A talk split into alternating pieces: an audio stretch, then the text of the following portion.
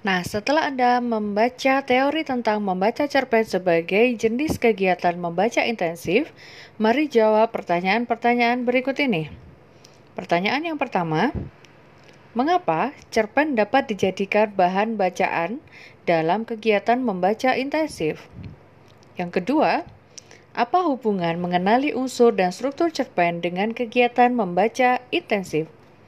Pertanyaan ketiga, Apakah membaca intensif cerpen berhubungan dengan keterampilan higher order thinking skill atau yang disebut juga dengan keterampilan berpikir tingkat tinggi? Nah, jawaban untuk ketiga pertanyaan tersebut dapat Anda submit di www.nearpod.com dengan kode RVGSK.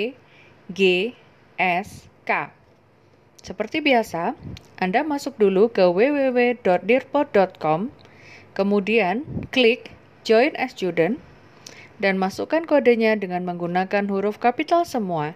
Sekali lagi, kode kelasnya adalah R, V, G, S, K.